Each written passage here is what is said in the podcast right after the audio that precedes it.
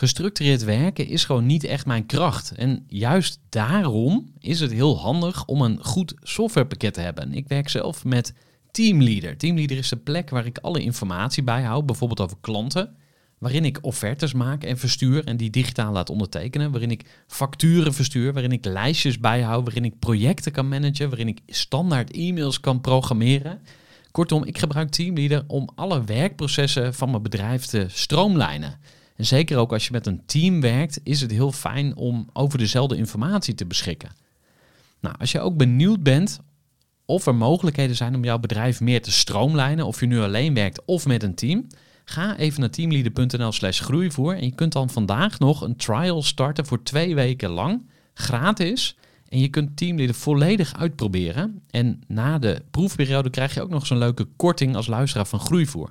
Ga naar teamleader.nl slash groeivoer. Gooi voor. Gooi voor. Gooi voor. Zoek je inzicht, inspiratie voor je eigen bedrijf. Wil je elke dag iets leren? Luister dan naar Gooi voor. Welkom bij deze nieuwe aflevering van de Groeivoer podcast, waarin ik in gesprek ga met Jochem Oldenbroek, oprichter van Unscared. Unscared is geen standaard sportschool of zo'n goedkope ketenformule, maar een community waar je fit wordt voor het leven. Bij Unscared kun je terecht als beginner, maar ook als je al langer sport, om samen met anderen te trainen. Uiteraard onder begeleiding van professionele coaches. Jochem startte samen met zijn compagnon Willem een nieuwe vestiging van Unscared en ik ben heel benieuwd hoe dat gegaan is. En natuurlijk hoor ik ook graag wat voor andere inzichten Jochem heeft over ondernemerschap, want hij heeft al heel wat meegemaakt. Nou, ik zou zeggen, ga gewoon lekker luisteren naar deze nieuwe aflevering van de podcast. En ja, Jochem, van harte welkom. Dankjewel. Voor de kennis en ideeën van een interessante gast. Die zijn verhaal met jou wil delen. Luister je naar Gooi voor. Ja, en we zijn hier op eh, de nieuwe vestiging. Daar ga ik straks eh, van alles eh, over vragen. Maar ik wil eerst van jou wat weten. En dat is, wat is volgens jou een goede ondernemer? Nou ja, een goede ondernemer is denk ik eh, iemand die kansen ziet en die zijn irritatie, of zijn of haar irritatie over ja, een probleem wat slecht wordt opgelost, omzet in actie en daar geld mee verdient. Ja. Is dat ook jou- jullie verhaal of jouw verhaal?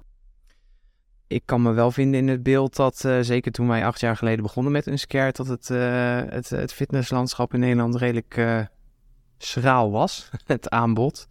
En dat ik dacht, ja, dat moet toch, dat moet toch beter kunnen. Ja, Ja. Nou, we gaan zo nog verder in, in het verhaal duiken natuurlijk van Unscared. Maar ik ben ook wel benieuwd, vind jij jezelf een goede ondernemer? En zo ja, op welke punten wel? En Nou ja, ik ben net zoals jou gewoon goed Calvinistisch opgevoed. Dus ik, ik denk dat ik, ja, ben ik een goede ondernemer. Nou ja, goed, ik doe wat ik leuk vind en ik kan ervan leven. Dus eh, als dat de benchmark is, eh, ja. Ik begeleid ook andere ondernemers in, eh, in dezelfde branche. Dus ik, ik kan af en toe wel wat dingen roepen waar mensen wat aan hebben, als ik mijn klanten mag geloven. En wat roep je dan? Want blijkbaar volgen mensen jou, je, je helpt andere ondernemers, dus dan, dan moet je iets goed doen. Ja, nou ja, kijk, mensen lopen vaak, ondernemers lopen natuurlijk vaak tegen dezelfde problemen aan. Het ophalen van kapitaal, groeipijn, eh, omgaan met je personeel. eh, starten een ondernemerstap, starten vanuit een stuk passie, eh, maar eigenlijk het hele managementstuk nog niet in de vingers hebben. En ik begeleid eigenlijk alleen maar MKB'ers en dan specifiek vooral in de, in de fitnessbranche. En ja, daar, daar komen mensen gewoon heel vaak dezelfde problemen tegen. En dat zijn die je net noemde, zeg maar. Dus leidinggevers één. Ja, ik denk dat het belangrijkste is dat eh, zeker in de sportsector ehm, er veel mensen zijn die, nou, zoals ik al zei, starten vanuit de passie. eh, die zelf gek zijn van sport, die het fantastisch vinden om mensen in beweging te krijgen en ze daarbij te helpen. En eh, ja, dan ben je heel erg goed in je vak, maar dan ben je nog niet per se een goede ondernemer. En als jij besluit om een winkel te openen en je moet het ineens gaan hebben over marketing en over sales en over het systematiseren van je ervaring en ervoor zorgen dat, eh, dat je zaak ook draait op het moment dat jij er niet bent. Wat uiteindelijk waar veel ondernemers tegenaan lopen, hè, dat ze op een gegeven moment helemaal niet meer op vakantie kunnen en eh, erachter zijn gekomen dat ze zichzelf een soort van eh, baan cadeau hebben gegeven in plaats van onderneming. ja, dan begint het een beetje te, te schuren en te kraken en gaat het pijn doen. En dan, ja, dat is eigenlijk de eerste, het eerste keer dat mensen, dat ondernemers dan denken, ja, het moet anders. Ik moet beter worden als ondernemer. Eh, als jij met ondernemers werkt, ga je dan ook, eh, in hoeverre moet je dan aan hun mindset ook gaan werken? En dan even los van het populaire mindset buzzword. Maar eh, ja, als je dus bijvoorbeeld Calvinistisch opgevoed bent. Je zei van... Ja, zo. Nou, die, neem ik daar dan in die begeleiding niet per se in mee hoor. Eh, be- behalve dat ik dat, dat er misschien wat daar nog van over is gebleven, is dat je niet te veel geld uit moet geven wat je, wat je niet hebt. dus ik hou er wel van om een beetje te bootstrappen of om ehm, nou ja, met, met weinig eh, geld veel gedaan te krijgen. Ik denk de belangrijkste, het belangrijkste wat ik, is wat ik doe op het moment dat ik met een ondernemer praat, is om even iemand uit zijn dagelijkse sleur te trekken. En te kijken naar, hey, waar, waar ben je eigenlijk naar op weg? Hè, want je bent waarschijnlijk heel hard aan het werk en eh, er komt van alles op je af elke dag. Eh, dus eigenlijk beginnen we altijd met het schrijven van een vijfjarige visie. Van waar staat je bedrijf over vijf jaar? Wat gebeurt daar? Wie is daar? Wie zijn je klanten? Dat kan eh, soms ook een hele eh, tactische beschrijving zijn ehm, met, eh, met alle senses involved, zo gezegd.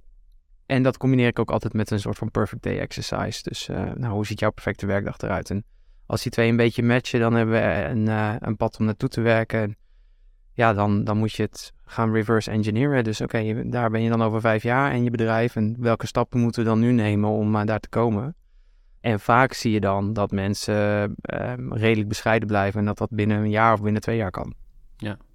Je zei iets heel moois. eh, een van de vragen die je, die je stelt. eh, hoe ziet een perfecte eh, dag er voor je uit? Ja. En wat is jouw antwoord?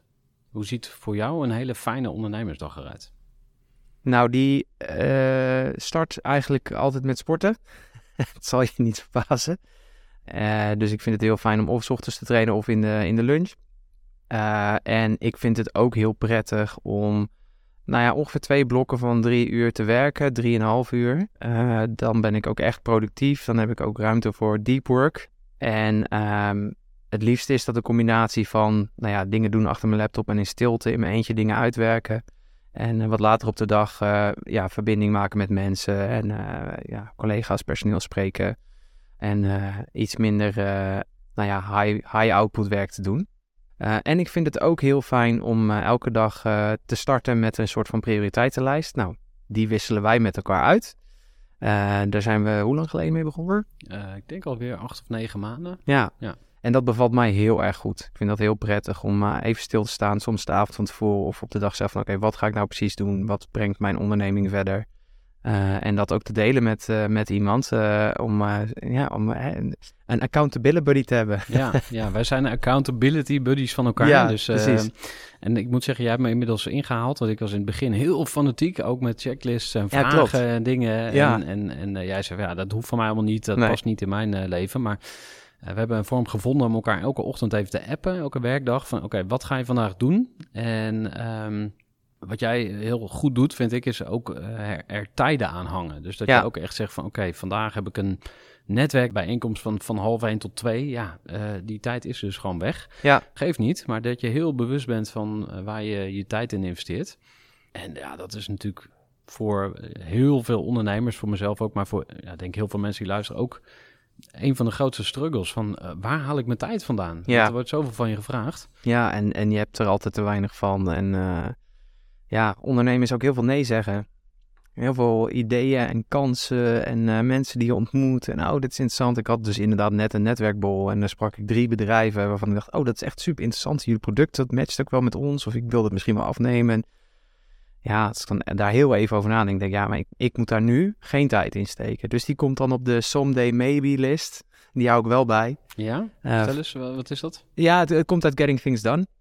Dat is een methode die ik een jaar of drie geleden heb geïmplementeerd. Eh, het boek gelezen en eh, nou, lekker Amerikaans. Maar ik dacht, nou, er zit volgens mij wel wat in. En eh, daar vervolgens een week voor uitgetrokken om dat ook echt rigoureus te implementeren. En ja, ik heb er erg veel aan. Ik vind het een hele prettige methode. En dan kan ik hem even uit mijn hoofd halen, ergens archiveren. En als ik, als ik me dan op enig moment verveel, dan kan ik nog eens door die someday, someday maybe list heen denken. Oh ja, ja, nou, misschien someday maybe. Ja. En dan stop ik hem weer Toch terug. weer terug, ja. ja. in het Nederlands is het geloof ik ooit misschien. Tenminste, Ja, zo, ik heb hem in Trello ook. Ja. Dus ik heb eh, to do, doing, done. En dan heb ik nog eh, Ja, ja. gedelegeerd af en toe. Maar dat Ja. wisselt een beetje. Ja. En dan heb ik ooit misschien. En ja, gok dat ik eh, minstens even, evenveel brainwaves heb als jij. ik heb ook veel ook, ja. blootstelling aan, aan de buitenwereld. Maar ook gewoon mijn eigen prikkels intern. Die deed het... Ja, ik, ik zie overal een podcast in. Ik zie overal kansen. En Ja. eh, je wordt er helemaal gek van. Ehm eh, laatst een boekje gelezen dat heet 4000 Weeks. Hè? Dus het gaat eigenlijk Ja. over het concept van... ja, je hebt waarschijnlijk ongeveer 4000 weken. Ja, Nou, in mijn geval, eh, ik ben 40, dus ik eh, zit op de helft, zou je kunnen zeggen. En, en eh, een van de basislessen of belangrijkste inzichten was dat je gewoon moet accepteren dat je niet alles kan doen. Ja. Wij zijn zo geprogrammeerd op een of andere manier cultureel om alles maar te willen eh, doen. En het is nooit genoeg. Nee. Hè? Dus we kunnen alle landen bereizen, we kunnen alles bezitten in principe wat we willen. We worden ook, denk ik, heel erg gek gemaakt Ja. door de media. Hè? Dus Ja. ook, eh, je hebt allemaal van die podcasts, ook eh, Get Rich Quick. Maar Ja. het, is veel subtieler. Eigenlijk wordt continu marketing uitgeoefend op je, waardoor je iedere keer het gevoel krijgt van ik ben er nog niet. Ik moet nog iets kopen als ik het niet... Snap je een beetje? Ja, ik snap heel goed wat je bedoelt. En ik moet ook wel denken aan... Hè, ik zit net zelf eh, Getting Things Done eh, te promoten, maar... eh, de, de hele cultus rondom productiviteit. En ik, ik kan ook wel eens een YouTube rabbit hole schieten. Waarbij ik dan alle productivity hacks van alle super succesvolle one percenters ga zitten bekijken. Ja, goed. Uiteindelijk gaat het ook. Zit de schoonheid van het leven ook in het accepteren van de beperkingen die het heeft. Waarbij de grootste beperking is dat je op een gegeven moment doodgaat. Hè? En dat, dat, dat raak jij net aan. En eh, ja, daarmee leren leven en daarin dus ook eh, vrede hebben met de keuzes die je maakt. eh, die, ehm, ja, dat is ook een kunst. Dan gaan we het over de levenskunst hebben. Hoe ver Ja. ben je daarin? Ja, ik, ik herken me heel erg aan wat jij zegt. Ik, ehm, ik ben erg slecht in achteruitkijken en stilstaan. en in dingen successen vieren. Dus ik, ik heb een enorme interne drive om door te gaan. En eh, ik heb echt moeten leren om nou ja, dat dus te doen. Stil te staan, terug te kijken. En op die manier ja, ook te waarderen voor wat je allemaal hebt meegemaakt. En ook om af en toe tegen je te kunnen ze- zelf te kunnen zeggen van... Ik ben precies waar ik zijn moet. Ehm, eh, want uiteindelijk, ja, weet je, als je echt helemaal terugkijkt op het einde van je leven, is dat natuurlijk precies wat je doet. Dan kijk je terug, dan heb je nog maar heel weinig om naar eh, vooruit te kijken. En ja, ik ben een beetje bang dat als ik dat niet doe tijdens mijn leven, dat ik dan aan het eind van mijn leven daar begin te doen en te denken, hé, hey, waar is het allemaal gebleven, weet je wel? Als je daar de balans in weet te vinden, dan, eh, dan geloof ik wel dat je in die zin ook een wat rijker doorleefd leven hebt. Ja. Ja. En wat zijn de hoogtepunten in jouw leven? Oh jeetje. Ehm, nou ja, goed. eh, eh, privé, mijn kinderen. de absoluut hoogtepunt. Eh, twee, eh, twee zoons en eh, ondertussen ook een bonusdochter. Een paar hele mooie reizen gemaakt. Eh, twee jaar in eh, Zweden gewoond in het buitenland. Dus een emigratie en een remigratie meegemaakt. Dat zijn ook wel echt hoogtepunten. Een eh, hechte vriendenkring. Zeven vrienden die ik al vanaf mijn middelbare schooltijd ken. En eh, nog elke maand zie. Dat is je, jouw knal. Ja, mijn toch, niet? Ja, ja, Ja. het heet knal, vraag me niet waarom. Maar eh, ja, wij komen elke maand nog bij elkaar. Elk jaar gaan we een eh, weekend eh, weg. En hoe meer ik andere mensen daarover spreek, hoe meer ik dat ook leer, wa- leer te waarderen, hoe bijzonder dat is, zeg maar. Dat, want wij steunen elkaar wel echt door dik en dun en zijn heel verschillend geworden ondertussen ook. Dus dat is ook een rijk gespreksonderwerp van hoe ga je om met verschillen. Maar het is interessant wat er gebeurt, want jij vraagt me wat zijn je hoogtepunten in je leven. En ik begin eigenlijk niet eens over de zakelijke successen, hoewel die ook wel door mijn hoofd schieten. Maar ja, als je dan bedenkt van ja, wat is nou echt belangrijk? Ik had er een gesprek over met mijn vader vorige week en die zei van ja, mijn vader vroeg mij aan het eind van zijn leven ben ik een goede vader geweest. En ik weet zeker dat op het moment dat mijn tijd komt, want we hadden het over hoe hij zijn begrafenis voor zich zag en zo. En eh, zei, dat, nou, zei hij, ik ga dat ook aan jou vragen. En eh, ik had het met hem over de struggles van het eh, opvoeden van kinderen en hoe graag je het goed wil doen.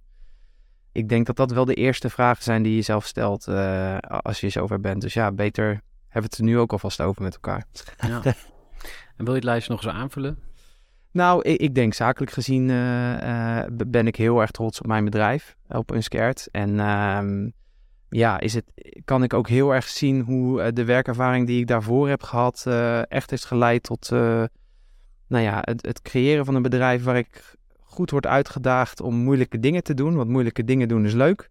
En tegelijkertijd ik me ook, uh, nou ja, ehm, eh, genoeg toegerust voel om die moeilijke dingen aan te pakken. Dus ik weet nog wel, nou, wij hebben samen een bedrijf gehad, uh, in onze studententijd gestart.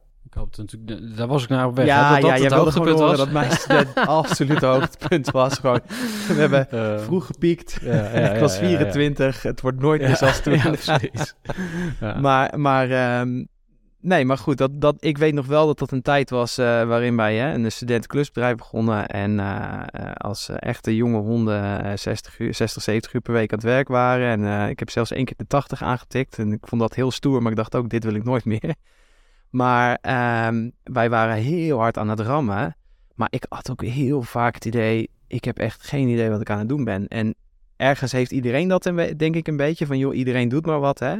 Maar ik, ik, ik miste echt een stuk werkervaring om de ambities die we naar elkaar formuleerden. Want we wilden toen nog een landelijk netwerk aan, aan mijn studentenvestigingen openen. hè. Werelddominantie. Werelddominant 100 vestigingen. En ik dacht, ja, ik, eh, ik, ik kan dat helemaal niet. Ik heb daar niet, nu niet de capaciteit voor om dat te doen. En dat was, eh, en dus ook niet de ambitie. En ik, ik, eh, ik had toen heel erg eh, behoefte aan een, een, een, ja, een corporate ervaring en een aantal mentoren misschien.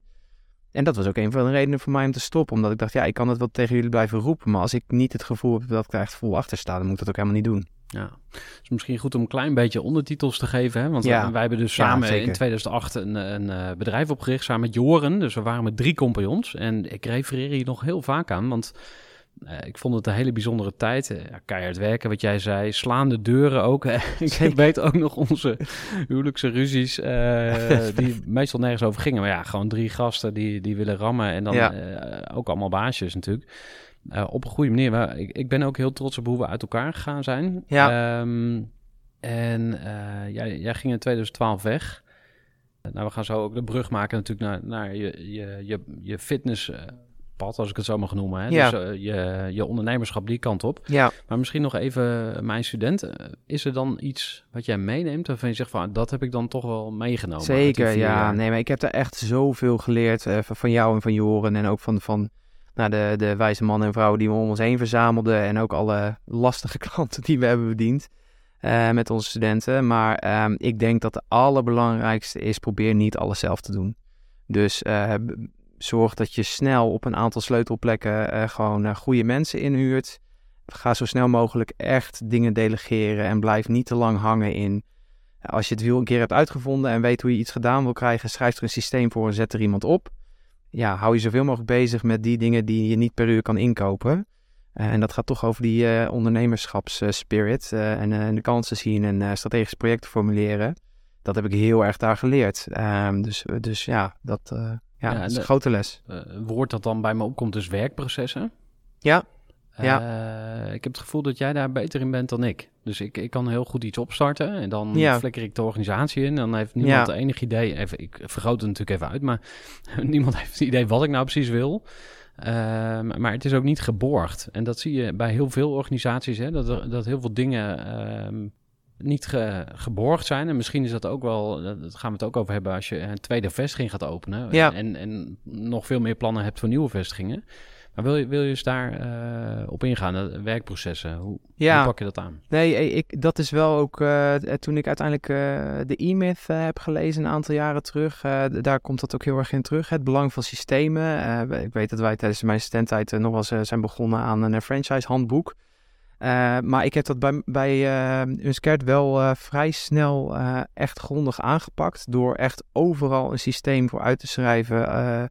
als het ging om een recurring task. Dus een terugkerende taak die door andere mensen uitgevoerd moest worden.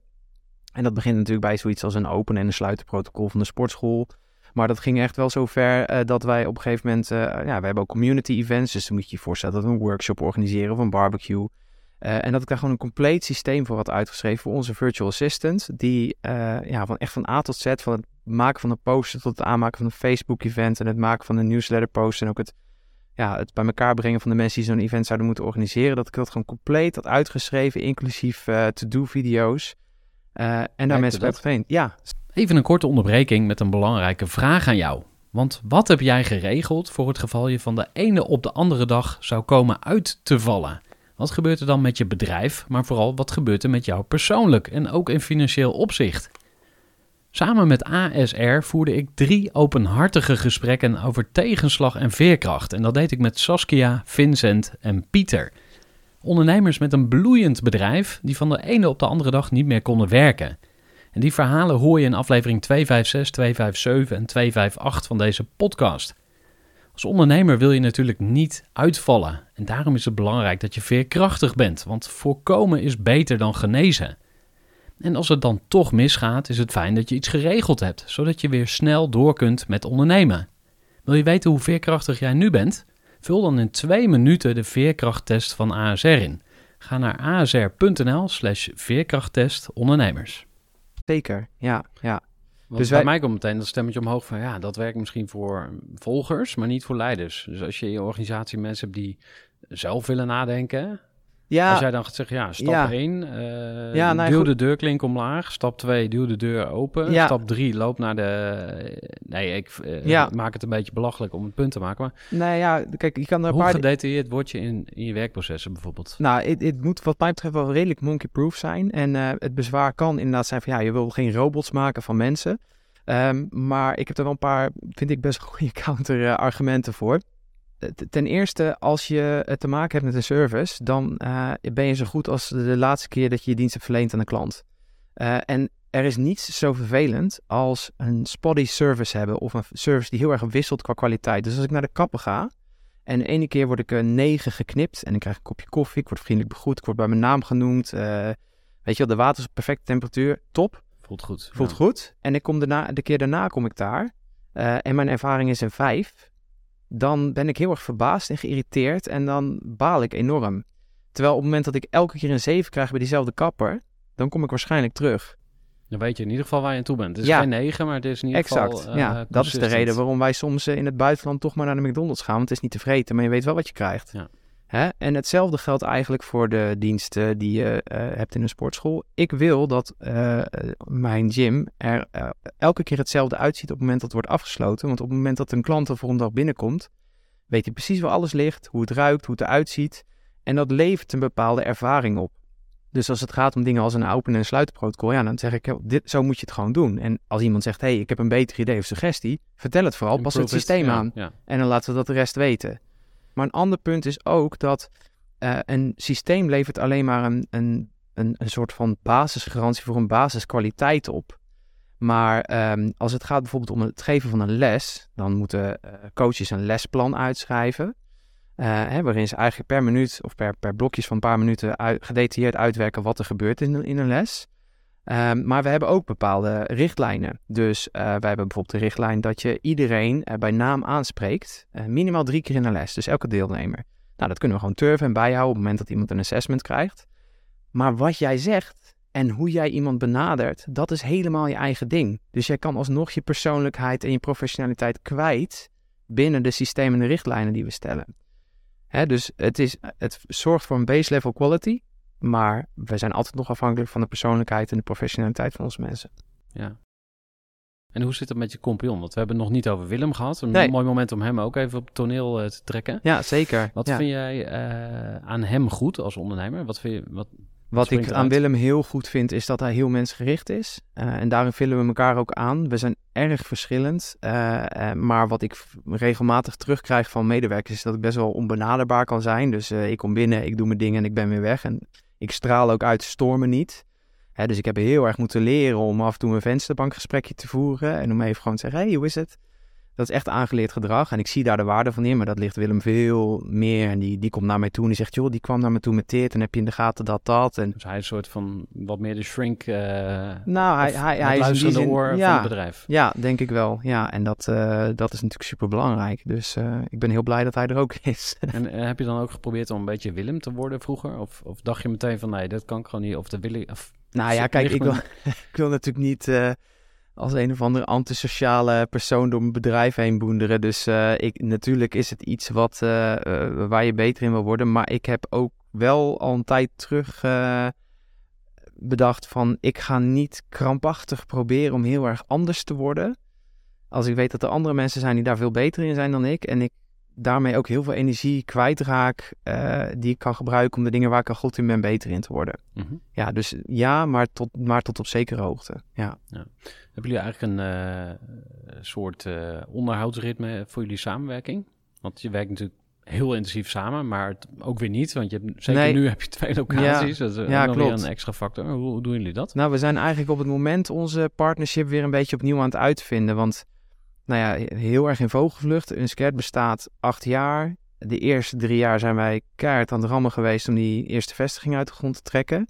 Toen ben ik naar Zweden geëmigreerd om daar twee jaar te werken als hoofdmarketing van een, eh, een familiebedrijf wat fitness... eh, Mag ze eh, noemen, hoor. Ja, en Leico. ja. Ja. En Leico, de, de Rolls Royce van de barbells en gewichten en dumbbells en dergelijke. Prachtig bedrijf. Twee jaar voor gewerkt. Toen kwam ik terug met het idee om samen met Willem nieuwe vestigingen te gaan openen. En twee weken later kwam COVID. Dus vervolgens zijn wij twee, tweeënhalf jaar lang bezig geweest met overleven. eh 72 persconferenties kijken, 14 keer eh, een nieuw protocol schrijven over wat we nu wel en niet mochten. Binnen, buiten trainen, mensen wel niet aanraken. Nou, chaos. Daar was je echt wel ziek van ook, denk ik. eh, man, daar was ik zo klaar mee op het eind. Echt, eh, ja, goed. Nou, fijn dat dat voorbij is. En eigenlijk nu, sinds een jaar, anderhalf jaar, ehm, nou, hebben we een tweede pand kunnen vinden. Zijn we daarmee opgestart. Nu komen we in een soort nieuwe fase van, ja, oké, hoe gaan we nu samenwerken? Want ons bedrijf is net verdubbeld inderdaad. Dus eh, dat ritme waar jij naar refereert, ik heb toevallig net met hem geluncht. Ehm, eh, we zijn er wel na- naar op zoek inderdaad. Van, ja, hoe gaat dat er nu uitzien? Ja. Ja, en wat ehm, heb je tot nu toe eh, geleerd over goed samenwerken met Compion? Want blijkbaar werken jullie al, eh, Ja, al heel lang lang samen, samen. dus daar zitten Ja. succesfactoren in. Ja. Is er iets waar, waar jij denkt van, hey, dat doen wij toch, dat hebben we toch wel goed gedaan, bewust of onbewust? Ja, ik denk elkaar vooral voldoende met rust laten. en eh, ja, dat, het, het gaat voor mij echt over vertrouwen en weten dat iemand eh, waarde toevoegt in het bedrijf. En eh, eigenlijk vooral de koppen bij elkaar steken op het moment dat je eh, het even niet meer weet of even op strategie wat dingen wil uitzetten. Ik ben overigens wel de prioriteiten die ik naar jou stuur, eh, ook naar hem gaan sturen. En eh, sinds kort is hij ze ook aan het terugsturen naar mij. Ah, Dus ik, ik, ja, ik, eh, ja, Ja. ja. nee, los van het vertrouwen, zeg maar, en elkaar los kunnen laten. ehm, ook accepteren dat, dat je dingen anders doet. Hè, ik, ik weet nog wel dat wij, toen wij ook samenwerkten, dat we toen een gesprek hadden met iemand van binnen de Raad van Advies. Toen ging het over, nou, waarom heb jij de ander nodig? Dat vond ik toen een hele confronterende, maar ook hele sterke vraag. Van, nou, oké, eh, Gerhard, vertel me waarom je Jochem nodig hebt. Of Jochem, vertel me waarom je Joren nodig hebt. En ja, dan kom je al heel snel tot de kern. En dus ook eh, eh, kom je uit op het feit dat eh, er altijd iemand is die de meeste uren draait. Of die eh, eh, het hardste werkt bijvoorbeeld. Of die het minste vakantie neemt. Of, eh, maar ergens als je weet dat je samen, even ervan uitgaan dat iedereen gelijkwaardige partner is eh, of aandeelhouder. Dan eh, als, je, als je van de ander kan zeggen, ik heb jou nodig. En zonder jou is dit bedrijf niet zo succesvol als... ehm, eh, ehm, of met jou is het veel succesvoller dan zonder jou. Ja, dan, dan is de basis goed, denk ik. En dan eh, ben ik ook wel benieuwd hoe dat eh, doorwerkt in de rest van je bedrijf. Want als je eh bedrijf wil bouwen, nou, processen zijn heel belangrijk, hebben we het Ja. net ook over gehad. Ja. Ehm, maar de mensen zijn ook heel belangrijk. Ja. En sommige mensen zijn wat meer vervangbaar of er zit Ja. wat hoger verloop in. Weet ik veel, je werkt met trainers die op ZZP-basis een tijdje doen, Ja. meedoen en dan weer weggaan. Maar het leiderschap, dus de vaste teamleden. Eh, een van mijn vragen is, hebben jullie een soort gemeenschappelijke taal waarin je het hebt over de samenwerking? Ik vind het echt zo moeilijk te vangen, cultuur. Want het gaat, ik, ik moet eigenlijk gelijk aan het woord cultuur denken. Dus welke werkcultuur hebben jullie eh, hebben binnen een skert eh, opgezet? We zeggen vaak tegen elkaar, als we iets doen, dan doen we het goed. Ja, oké. Het, het is een beetje een eh, common sense uitspraak, weet je wel. Maar ja, het is wel echt zo. Dus we gaan geen dingen halfbakken doen. Ehm, samen trainen met elkaar is, levert ook eh, een soort van teambuilding Oh ja, op of een bepaald eh, gevoel. ja, als je samen met elkaar hebt te zweten of pijn te lijden, dat, ja, het is een grote equalizer, zeg maar. Maar ehm, ja, een hele specifieke taal of methode, nee, past me niet toe. Wel een heel strak meetingritme. Dat is wel echt, eh, elke, eh, nou ja, goed, zoals veel bedrijven, elke maandag eh, zitten we met elkaar. Maximaal een uurtje supersnel de acties van de vorige week aftikken. En elk kwartaal de projecten uitstippelen die we in die twaalf weken daarna gaan doen. That's it. Ja. Niet te ingewikkeld. Heb je een vaste agenda voor die eh, weeklies en Ja, heb je ook monthlies of heb je die geskipt? Nee, die, zijn, die hebben we geskipt. Ik heb alles geprobeerd, ook met daily huddles. En eh, nee, we hebben gewoon een weekly. Ehm, ook nu we twee locaties hebben, is het super kort. Je brengt alleen punten in waar je de input van het hele team voor nodig hebt. En wat er dus vaak gebeurt, want we zijn soms in een half uurtje klaar, is dat ehm, eh, er dan nog wel eh, eh, bilateraaltjes plaatsvinden. Ja, dus alles wat je één op één kan Ja, hou je of moet erbuiten. eh, bespreken, dat mag Ja. niet in de gezamenlijke. Nee. En die pak je eh, Ja, offline op. Ja, zeg maar. die pakken we offline op. En dan, en soms is het ook een mededeling. Hè? Dus dan zegt de hoofdcoach, bijvoorbeeld onze headcoach, die zegt: Nou, ik heb weer twee interns, internships gestart, gaat supergoed. Eh dit zijn met aandachtspunten van de eerste trainer en de tweede trainer gaat gewoon lekker. Dat jullie het weten. Waar we wel altijd ook naar kijken is: oké, welke informatie die we hier hebben gedeeld nu, of welke input die je hebt gekregen, moeten wij delen met de rest van het team. Want we hebben een, kernteam van vijf eh, fulltime medewerkers. Eh, en daar hangt inderdaad een team van ZZP-trainers aan vast. En ja, die moeten op de hoogte blijven. Dus we sturen ook altijd diezelfde dag een mail naar alle trainers. waarvan, waarin we zeggen: Oké, eh, dit is informatie die belangrijk is. Dit is de mededeling van de week die je bij elke les moet vertellen. Hey, kom naar de barbecue, geef je daar op. Of eh, hey, wist je dat we nieuwe stickers hebben die je overal door de stad kan plakken? Kun je daar vinden? Nou, de wekelijke, wekelijkse mededeling. Ehm, en ook wie er die week geassessed wordt. Dus eh, ook elke week is er duidelijk dat wij werken aan de ontwikkeling van onze coaches.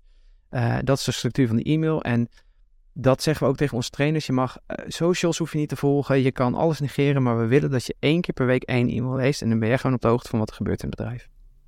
Ik vind het echt inspirerend. Eh, ik ga het nog eens terug luisteren, want ik zit hier natuurlijk ook op het puntje van mijn stoel om, eh, om het ge- ge- gesprek goed te leiden. Maar dit ga ik echt eens even terug luisteren. Ook, dit zit weer voor mij ook in de hoek van, eh, van processen, maar wel met mensen ook. Hè? Dus je, je bent niet een machine of een fabriek. Je, je ja, een beetje wel, maar je hebt die mensen nodig. Ja, Ehm, en heel vaak krijg je dan terug van, ah, ik ben al zo druk en dan moet ik weer dit en weer dat. ja. Dus eh, hoe houden jullie het simpel? Nee, dat, eh, dat is wel een van de dingen die, we, die, die ik nastreef, is, is si- simplicity. Dus ka- kan het simpeler? Kan het makkelijker dan zoals we het nu doen? En vaak als je in een meeting of een brainstorm of een uitwerking van een project, als je het heel erg aan het optuigen bent, dan, dan en er zijn heel veel bewegende delen, dan ja, kan het simpeler? Dat is wel een vraag die ik mijn team vaak stel. En ja, wat is simpel? Eén e-mail per week, eh, een WhatsApp groep, eh, en dus een, eh, een online ja, systems site. Dus als er in de appgroep staat, hey, zijn we eigenlijk open op die dag? Dan zegt er altijd een andere coach, heb je systems al gecheckt? En dan staat er een pagina met, dit zijn de vakantiedagen dat we dicht zijn. Dit zijn de dagen dat we een aangepast rooster hebben. Of iemand zegt, ja, weet ik veel, hé, hey, ik heb een lekkage, wat moet ik doen? Dan zegt hij, nou, heb je systems al gecheckt? Staat uitgelegd, dit moet je doen bij een lekkage. Ja, Ja, grappig. Wat voor tooling gebruik je? oh, gewoon Google Sites. Ja, dat is. Ja, super simpel. Again, simpel. Ja, we hebben gewoon een template gebouwd en ehm, ja, je kan YouTube-video's gewoon eh, integreren. En eh, ja, we gebruiken helemaal ja, Google Docs eh, integreren, dus dat werkt top. Eh, Ja. ja. Mogen mensen ook wijzigingen aanbrengen? Of Nee, bij hebben iemand? twee, twee admins, ik en een van onze twee locatiemanagers. En wij hebben elk half jaar een afspraak in onze agenda staan om vier uur door de sites heen te akkeren en te kijken, hey, wat moeten we aanpassen, wat is veranderd, klaar. Ja, En dan- echt zo goed.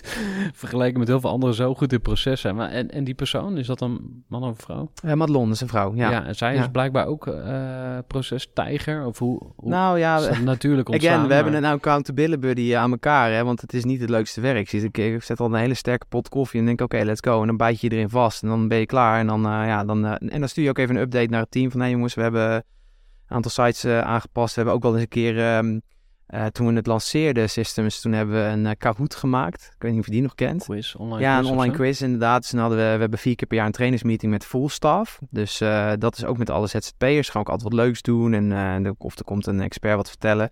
Maar toen hadden ze een Kahoot gemaakt om iedereen ook even goed die, die systems te laten leren. En, dat was heel leuk. En nu ze geven gewoon een update van joh, dit en dit is aangepast. Weet dat de papierbak gaat niet meer woensdags, maar zondags aan de straat. Dus dan weet je dat, dat je aan het eind van je shift op zondag moet je dan je papierbak buiten zetten. Weet je, dat soort dingen. Ja, dan kan je het weer loslaten. Dan kan het weer uit je brein. Je had het over koffie. Ja, Even een break. ja is goed. Cool.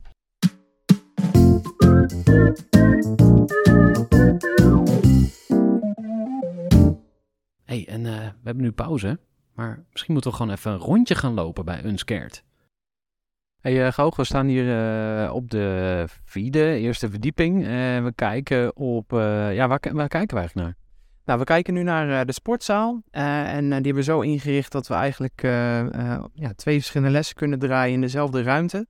Eh, veel tijd gestoken in het ontwerp daarvan. En eh nou, de vierde zelf, die hebben we eigenlijk ingericht met drie eilanden naast elkaar. Een groen eiland, dat is een, eh, werktafel eh, waar je lekker kan eh, werken voor of na een les. En ook voor onze medewerkers. We hebben een rood eiland, dat is onze point of sale met een counter waar je eh, dingen kan kopen, maar ook eh, lekker aan kan leunen om een, een bakje koffie te drinken. En dan de derde eiland, dat is het gele eiland en eh, dat is onze lounge. En qua upsell, je hebt abonnementen, dat is jullie vaste stroom. Maar wat verkoopt het best? Nou ja, we- wij hebben hier achter ons ook nog een, een automaat, dus mensen kunnen zelf een, een hapje of een drankje nemen. En voor de rest verkopen we eigenlijk vooral onze merchandise. Eigen proteïnelijn eh wel eens overwogen? Ja, en nee, ja, Ben je te kritisch? Want eh, dan dan denk ik van, oké dude, just go for the money. Eh, waarom niet? Nee, ja, een van onze kernwaarden is honesty. een van de vier. En ja, heel eerlijk, weet je, als jij gewoon van de Body and Fit de meest goedkope proteïnepoeder koopt, daar heb je, heeft 98% van de mensen er genoeg aan. Behalve die 2% topatleten. Dus als ik een proteïnepoeder ga ontwikkelen en daar weer een premie op, op pak, het voegt niets toe. Dus ik vind dat een, ja, ik wil dat niet. We hebben de back-office eh, net gezien. Die, is, eh, die moet nog wat verder ingericht worden. Maar verder is die al best wel af. Heel veel kleur. Dat vind ik wel echt, eh, als je het hebt over waar wil ik zijn. Hele mooie lamp. Vertel eens. Ja, nee, ja, we hebben nog een ontmoetingsruimte of een bespreekkamer moet ik zeggen, waar we met klanten kunnen zitten als we echt één op één gesprekken voeren en die ook uitkijkt over de rest van de sportschool. En dan nog natuurlijk onze kleedkamers. Maar we hebben inderdaad bewust gekozen voor heel veel kleurgebruik. Want A, het is vrolijk en B, ik heb het nog niet zoveel eerder gezien. Ik zie in heel veel sportscholen heel veel zwart en donker. En ik dacht, nee, dat wil ik niet. Dit, is, eh, dit springt eruit. Zullen we even naar die eh, toestellen gaan, eh, waar het echt zweet druppelt op de vloer stroomt. Dus, we gaan even een trapje af hier. Ehm, hoe, hoeveel stations hebben jullie? 20 plekken eigenlijk om te trainen, 20 stations zoals jij het noemt. Eh, en dat zorgt ervoor dat wij of een les van 20 man kunnen geven met eh, twee coaches. Nou, dus, maar dus ook bijvoorbeeld twee eh, losse lessen, omdat we zowel crossfit als krachttraining als olympisch gewicht even geven. En dan is bijvoorbeeld 10 eh, mensen aan de ene kant van de zaal en 10 aan de andere kant van de zaal. We gaan even naar jouw favoriete plekje, want jij gaat hier naar trainen, zag ik in je, in je, in je dagschermen. Eh, loop even naar jouw favoriete plekje. Wat doe je het liefst? Wat ik zelf het liefste doe, ja, ik vind zelf deadliften heel erg leuk, dus dat, dat ken jij. Ja, dat is, eh, deadliften is een, eh, is een barbell laden met gewicht en dan eh, van Zo'n barbel. een, een, een gewichthefstang. En die van de grond op optillen tot heuphoogte. Dus ja, da- daar kan je het meeste gewicht mee verplaatsen. Dus dat vind ik heel leuk. Wat is dan uh, typically een gewicht wat ongeveer verplaatst wordt? Nou, kijk, voor alle ehm, oefeningen heb je wel eh, bepaalde eh, markers. En eh, een twee keer lichaamsgewicht deadlift, dat is een heel mooi streven voor als je een tijdje traint. Dus je weegt 80 kilo, dan 160 kilo deadlift één keer optillen, dat, dan, dan begin je sterk te worden. Hoe belangrijk is techniek? Ja, extreem belangrijk. Ik, de, ik, ik, voor mij is het ook de het grootste compliment als een lid na een aantal jaren gewoon vol zelfvertrouwen bijvoorbeeld op vakantie gaat en een sportschool binnenloopt en een eigen training bedenkt en afwikkelt en dat te- technisch gezien goed doet. Want dan hebben wij A laten zien dat onze coaches echt leden dingen kunnen leren en dat mensen het ook onthouden. En ja, dat is een, een, een gift, een cadeau wat je de rest van je leven met je meedraagt. Ehm, is, er, is er nog iets wat we moeten weten over deze plek waarvan je denkt, hey, vet. Wij, eh, onze eerste locatie is bijna dubbel zo groot. En eh, deze ruimte, de totale eh, sportschool is eh, 475 vierkante meter. Dus we hebben hier wel heel erg moeten puzzelen om eh, eh, ja, alle vierkante meters eh, maximaal te kunnen benutten. En dat heeft er wel voor gezorgd dat wij in het midden een, een rig, zoals dat heet, een grote stalen kooi, zeg maar, met allemaal attachments eraan en pull-up bars, ringen, touwen en opslag in het midden ja, dat we eigenlijk een uniek ontworpen gym hebben gecreëerd waar ik heel erg blij mee ben. En waar we ook intensief hebben samengewerkt met, met Eleiko, het bedrijf waar ik ook voor heb gewerkt. Dus ja, ik vind het zelf echt een hele mooie, fijne trainingsruimte geworden waar, uh, waar we veel mensen fit kunnen krijgen. Nou, er komt ook nog een opening aan. Ehm, laat je dan een aftermovie uh, maken? Nee, nee, dat, nee, we hebben wel een fotograaf geboekt, maar geen videograaf. Het geld is op. Precies.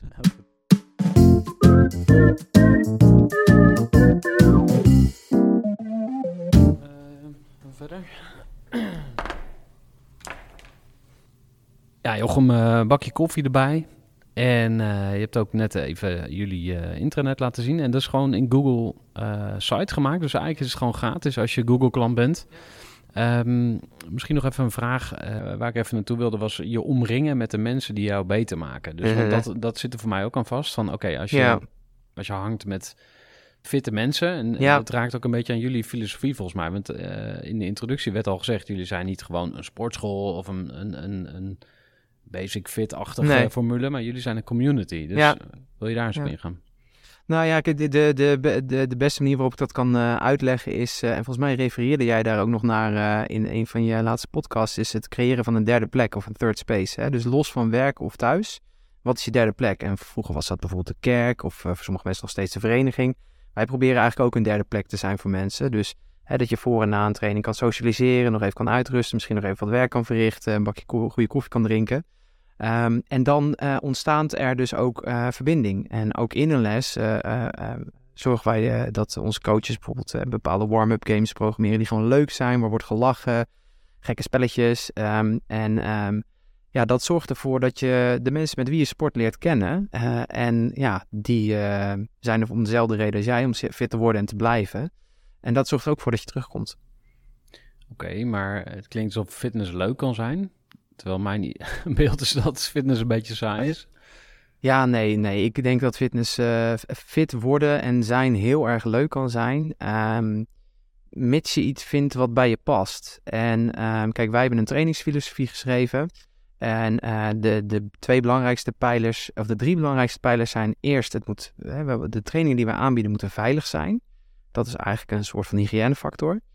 Die helaas Wat, houdt het in? Veilig is dus niet fysiek veilig, dat er niks op je hoofd kan vallen, maar Nou, veilige sfeer. abso- of- Absoluut ook. Absoluut. Ja, fysiek ook veilig. Dus dat wij mensen. Kijk, je kan, iedereen kun je kapot maken, zeg maar. Pushen. Hè? Je kan iedereen eh, eh, sprintjes laten trekken tot ze moeten kotsen. Dat is niet ingewikkeld. Ehm, wat ingewikkelder is, is om mensen te pushen en eh, ze te laten groeien en naar oncomfortabele plekken te laten gaan op een veilige manier die verantwoord is. Dus dat is de hygiënefactor. Die vraagt professionele coaching. Eh, maar eh, daarna eh, is het belangrijkste dat de training leuk is, fun. En dat zorgt ervoor dat mensen terugkomen. Want als jij een training niet leuk vindt, dan krijg je het basic fit effect. Dan, dan heb je wel een abonnement, maar je gaat niet, want je zit er tegenaan te hikken. En als laatste en derde pijler is dat de training efficiënt, of sorry, effectief moet zijn. Dus dat hij ook zijn werk moet doen, dat hij resultaten boekt. Maar wel als derde en niet als tweede of als eerste. En ik geloof dat als je het in die volgorde ook consistent weet te brengen, eh, dat je dan mensen die zeggen een traditionele sportschool is niks voor mij, dat je die aan je weet te binden. En dat is ook waar wij onze, eh, ja, onze meerwaarde moeten laten zien. Ja. Vind jij dat eh, elke ondernemer fit zou moeten zijn? Of ik ik Nee. koppel het ook aan leiderschap een beetje van, Ja. vooral als je een team hebt. Ja, het is natuurlijk wel, je, ik kan absoluut de trend zien en ik kan ook wel, ja, ik, ik kan absoluut voorbeelden van, van influencers of business coaches aanhalen die dat, die dat heel hard roepen. Ik vind heel eerlijk dat iedereen gewoon lekker moet doen waar hij zelf zin in heeft. ja, ik ga echt niet tegen de luisteraars van de Goede Voet podcast zeggen, eh, ga, ga zitten guilt trippen of, eh, oh, je bent niet fit, dus je bent geen goede ondernemer. Ik vind dat echt onzin. Eh, ook omdat... eh, Vind ik nogal een statement, maar ja. vertel. nou, kijk, weet je, ehm, eh, fitness en fit zijn wordt, wordt namelijk ook best wel nauw gedefinieerd. Hè? Ehm, dus op het moment dat jij eh, als ondernemer heel goed gaat op een uur per dag wandelen en eh, eh, in het weekend lekker je tuin bijhouden, joh, dan werd je, en je eet een beetje gezond en je slaapt goed, dan ben je super productief en dan word je gezond tot je negentigste. Dan hoef je nooit de sportschool binnen te komen. Hè? Ben je dan fit? Ja, weet ik veel. Ik denk van wel. Ehm, maar dat is een veel ruimere definitie. Op het moment dat jij in staat bent om eh, drie keer per week een dansles te bezoeken en daar, hè, jij, dat salsa, jij weet dat dat ook een soort van topsport eh, kan zijn als je een beetje eh, ervoor gaat. Als jij drie keer per week in een salsa-zaal staat en again, let op je voeding en je slaap, zonder begeleiding, zonder sportschool wat dan ook, dan ben je wat, kun je wat mij betreft ook heel fit worden, zowel mentaal als fysiek. Ja, ik kom wel te- steeds terug op voeding en slaap, zoals je merkt. Ja, Dus, dus ik, ik denk eigenlijk dat eh, de, de prioriteit eh, nummer één voor, voor productief ondernemer zijn... is eigenlijk dat je let op je slaap en je voeding... en dat je jouw manier van bewegen vindt die, die, die bij je past... en waar je, die, die duurzaam is. Dus die je ook volhoudt, die je leuk vindt. Ja, maar dan wil ik toch even eh, terugkomen op jouw dagschema. Want ik vroeg, eh, je kwam mezelf eh, met, die, met die vraag, maar ik vroeg Ja. je van, oh, hoe ziet jouw ideale ondernemersdag eruit? En toen Ja. zei je, ja, begin met sporten. Ja. Ik ken toch wel echt heel veel ondernemers die zeggen, oké, ik moet naar de zaak. Ik moet shit oplossen. Ja. Ik moet dingen gaan regelen. Ja, Nou, ik zal je vertellen hoe mijn dag eruit zag. Vanochtend heel vroeg wakker geworden, slecht geslapen, net Ja. als jij. Ehm, en eh, ik, eh, ik woon in Zwolle, ik moest naar Utrecht. En ik had zoveel zin om even buiten te lopen. En ik dacht, Hmm. maar ik heb daar helemaal geen tijd voor. Ik moet naar mijn kantoor. En ik heb het toch gedaan. Dus ik ben bij Epe Nice. de snelweg afgedraaid. Even een half uurtje gelopen. In het goeie bos. win. Ja, toen dacht ik van, ja, fuck it. Dit, is, dit was een compromis. Want ik ga natuurlijk liever langer lopen. Maar Ja. goed, ik, ik, ben, ik heb het in ieder geval gedaan. Ja, Maar ik prioriteer dus beweging boven eh, mailbox, eh, overleggen, Ja. noem het allemaal maar op. ja. Maar dat, dat komt ook omdat je weet wat het voor je doet. Mhm. Hè, dus dus jij, jij weet wat het je brengt. En dat is eh, rust, even een stukje afstand nemen, even je ge- gedachten kunnen ordenen.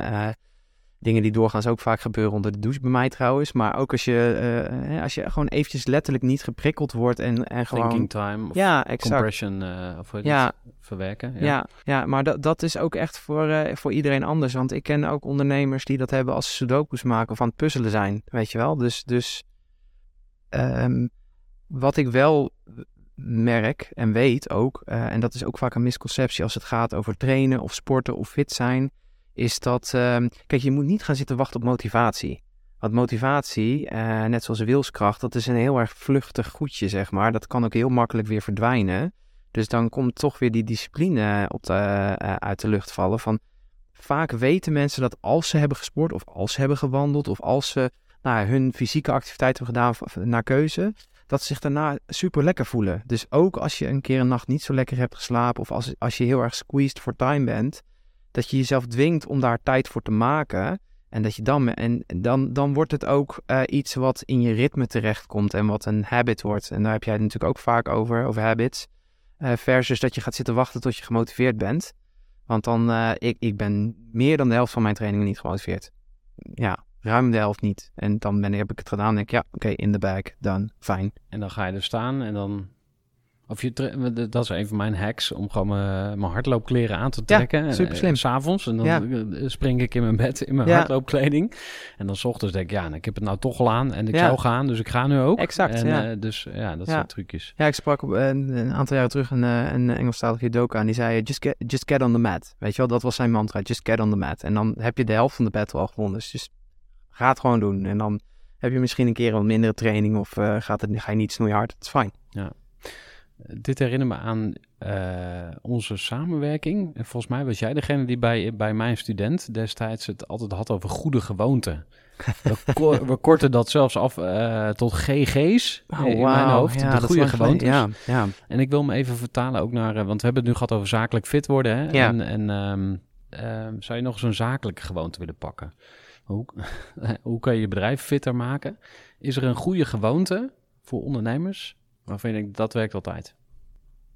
Dus we hebben het gehad over nee zeggen, we hebben het gehad over stilstaan en terugkijken. We hebben het gehad over uitzoomen. eh, en ook eventjes uit je operatie stappen en gewoon kijken van, hé, hey, waar ben ik nou precies mee bezig?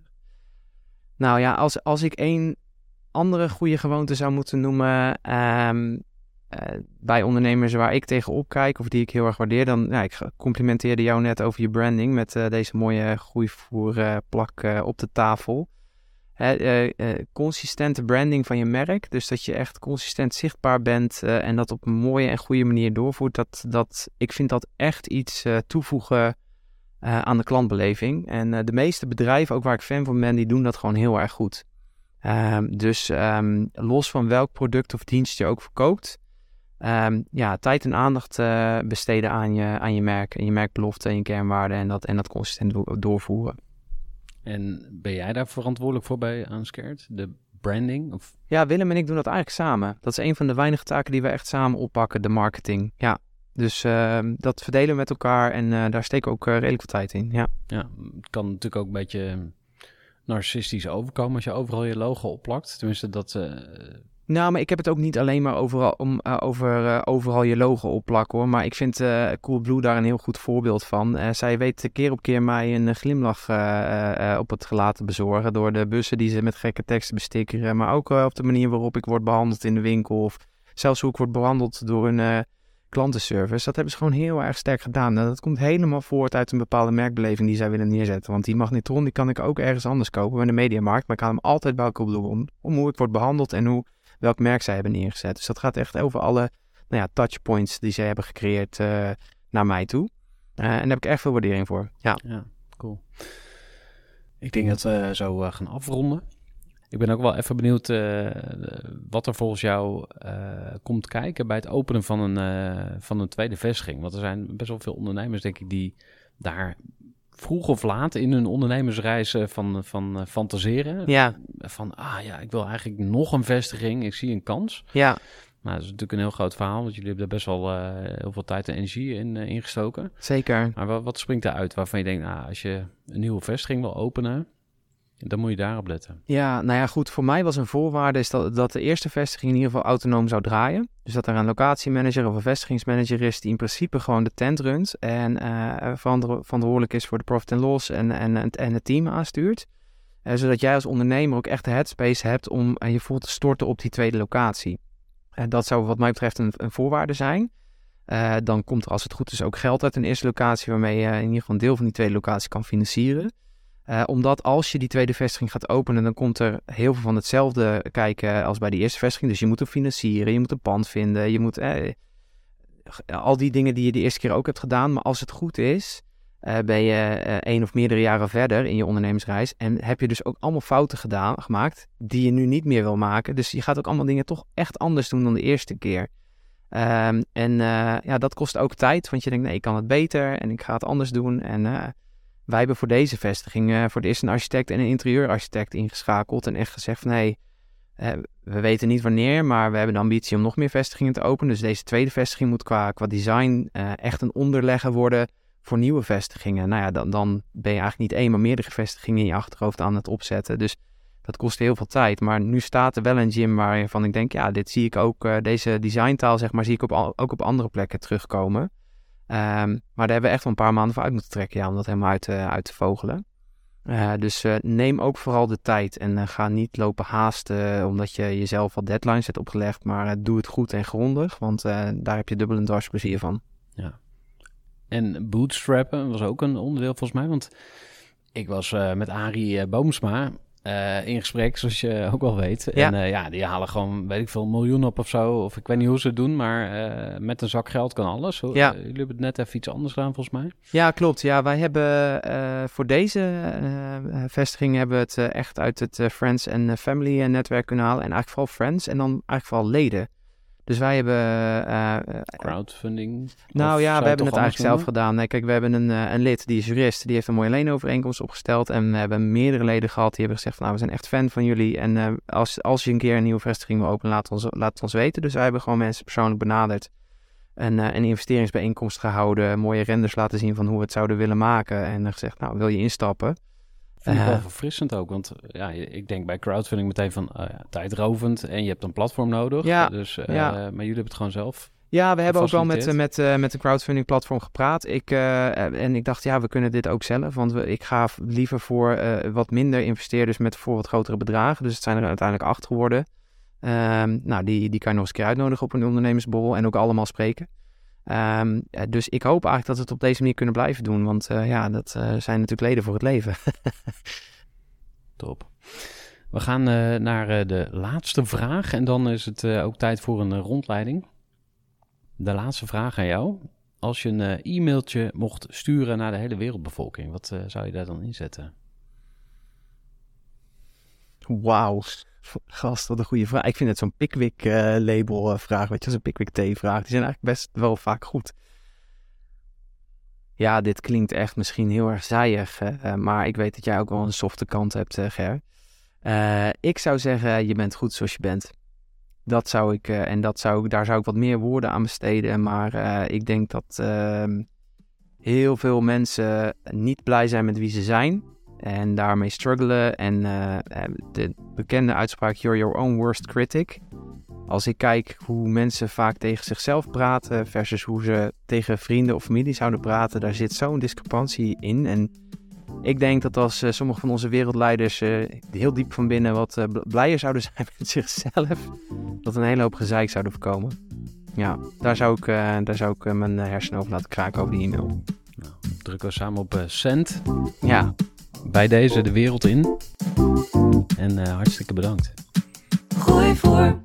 Gestructureerd werken is gewoon niet echt mijn kracht. En juist daarom is het heel handig om een goed softwarepakket te hebben. Ik werk zelf met Teamleader. Teamleader is de plek waar ik alle informatie bijhoud, bijvoorbeeld over klanten. Waarin ik offertes maak en verstuur en die digitaal laat ondertekenen. Waarin ik facturen verstuur, waarin ik lijstjes bijhoud, waarin ik projecten kan managen, waarin ik standaard e-mails kan programmeren. Kortom, ik gebruik Teamleader om alle werkprocessen van mijn bedrijf te stroomlijnen. En zeker ook als je met een team werkt, is het heel fijn om over dezelfde informatie te beschikken.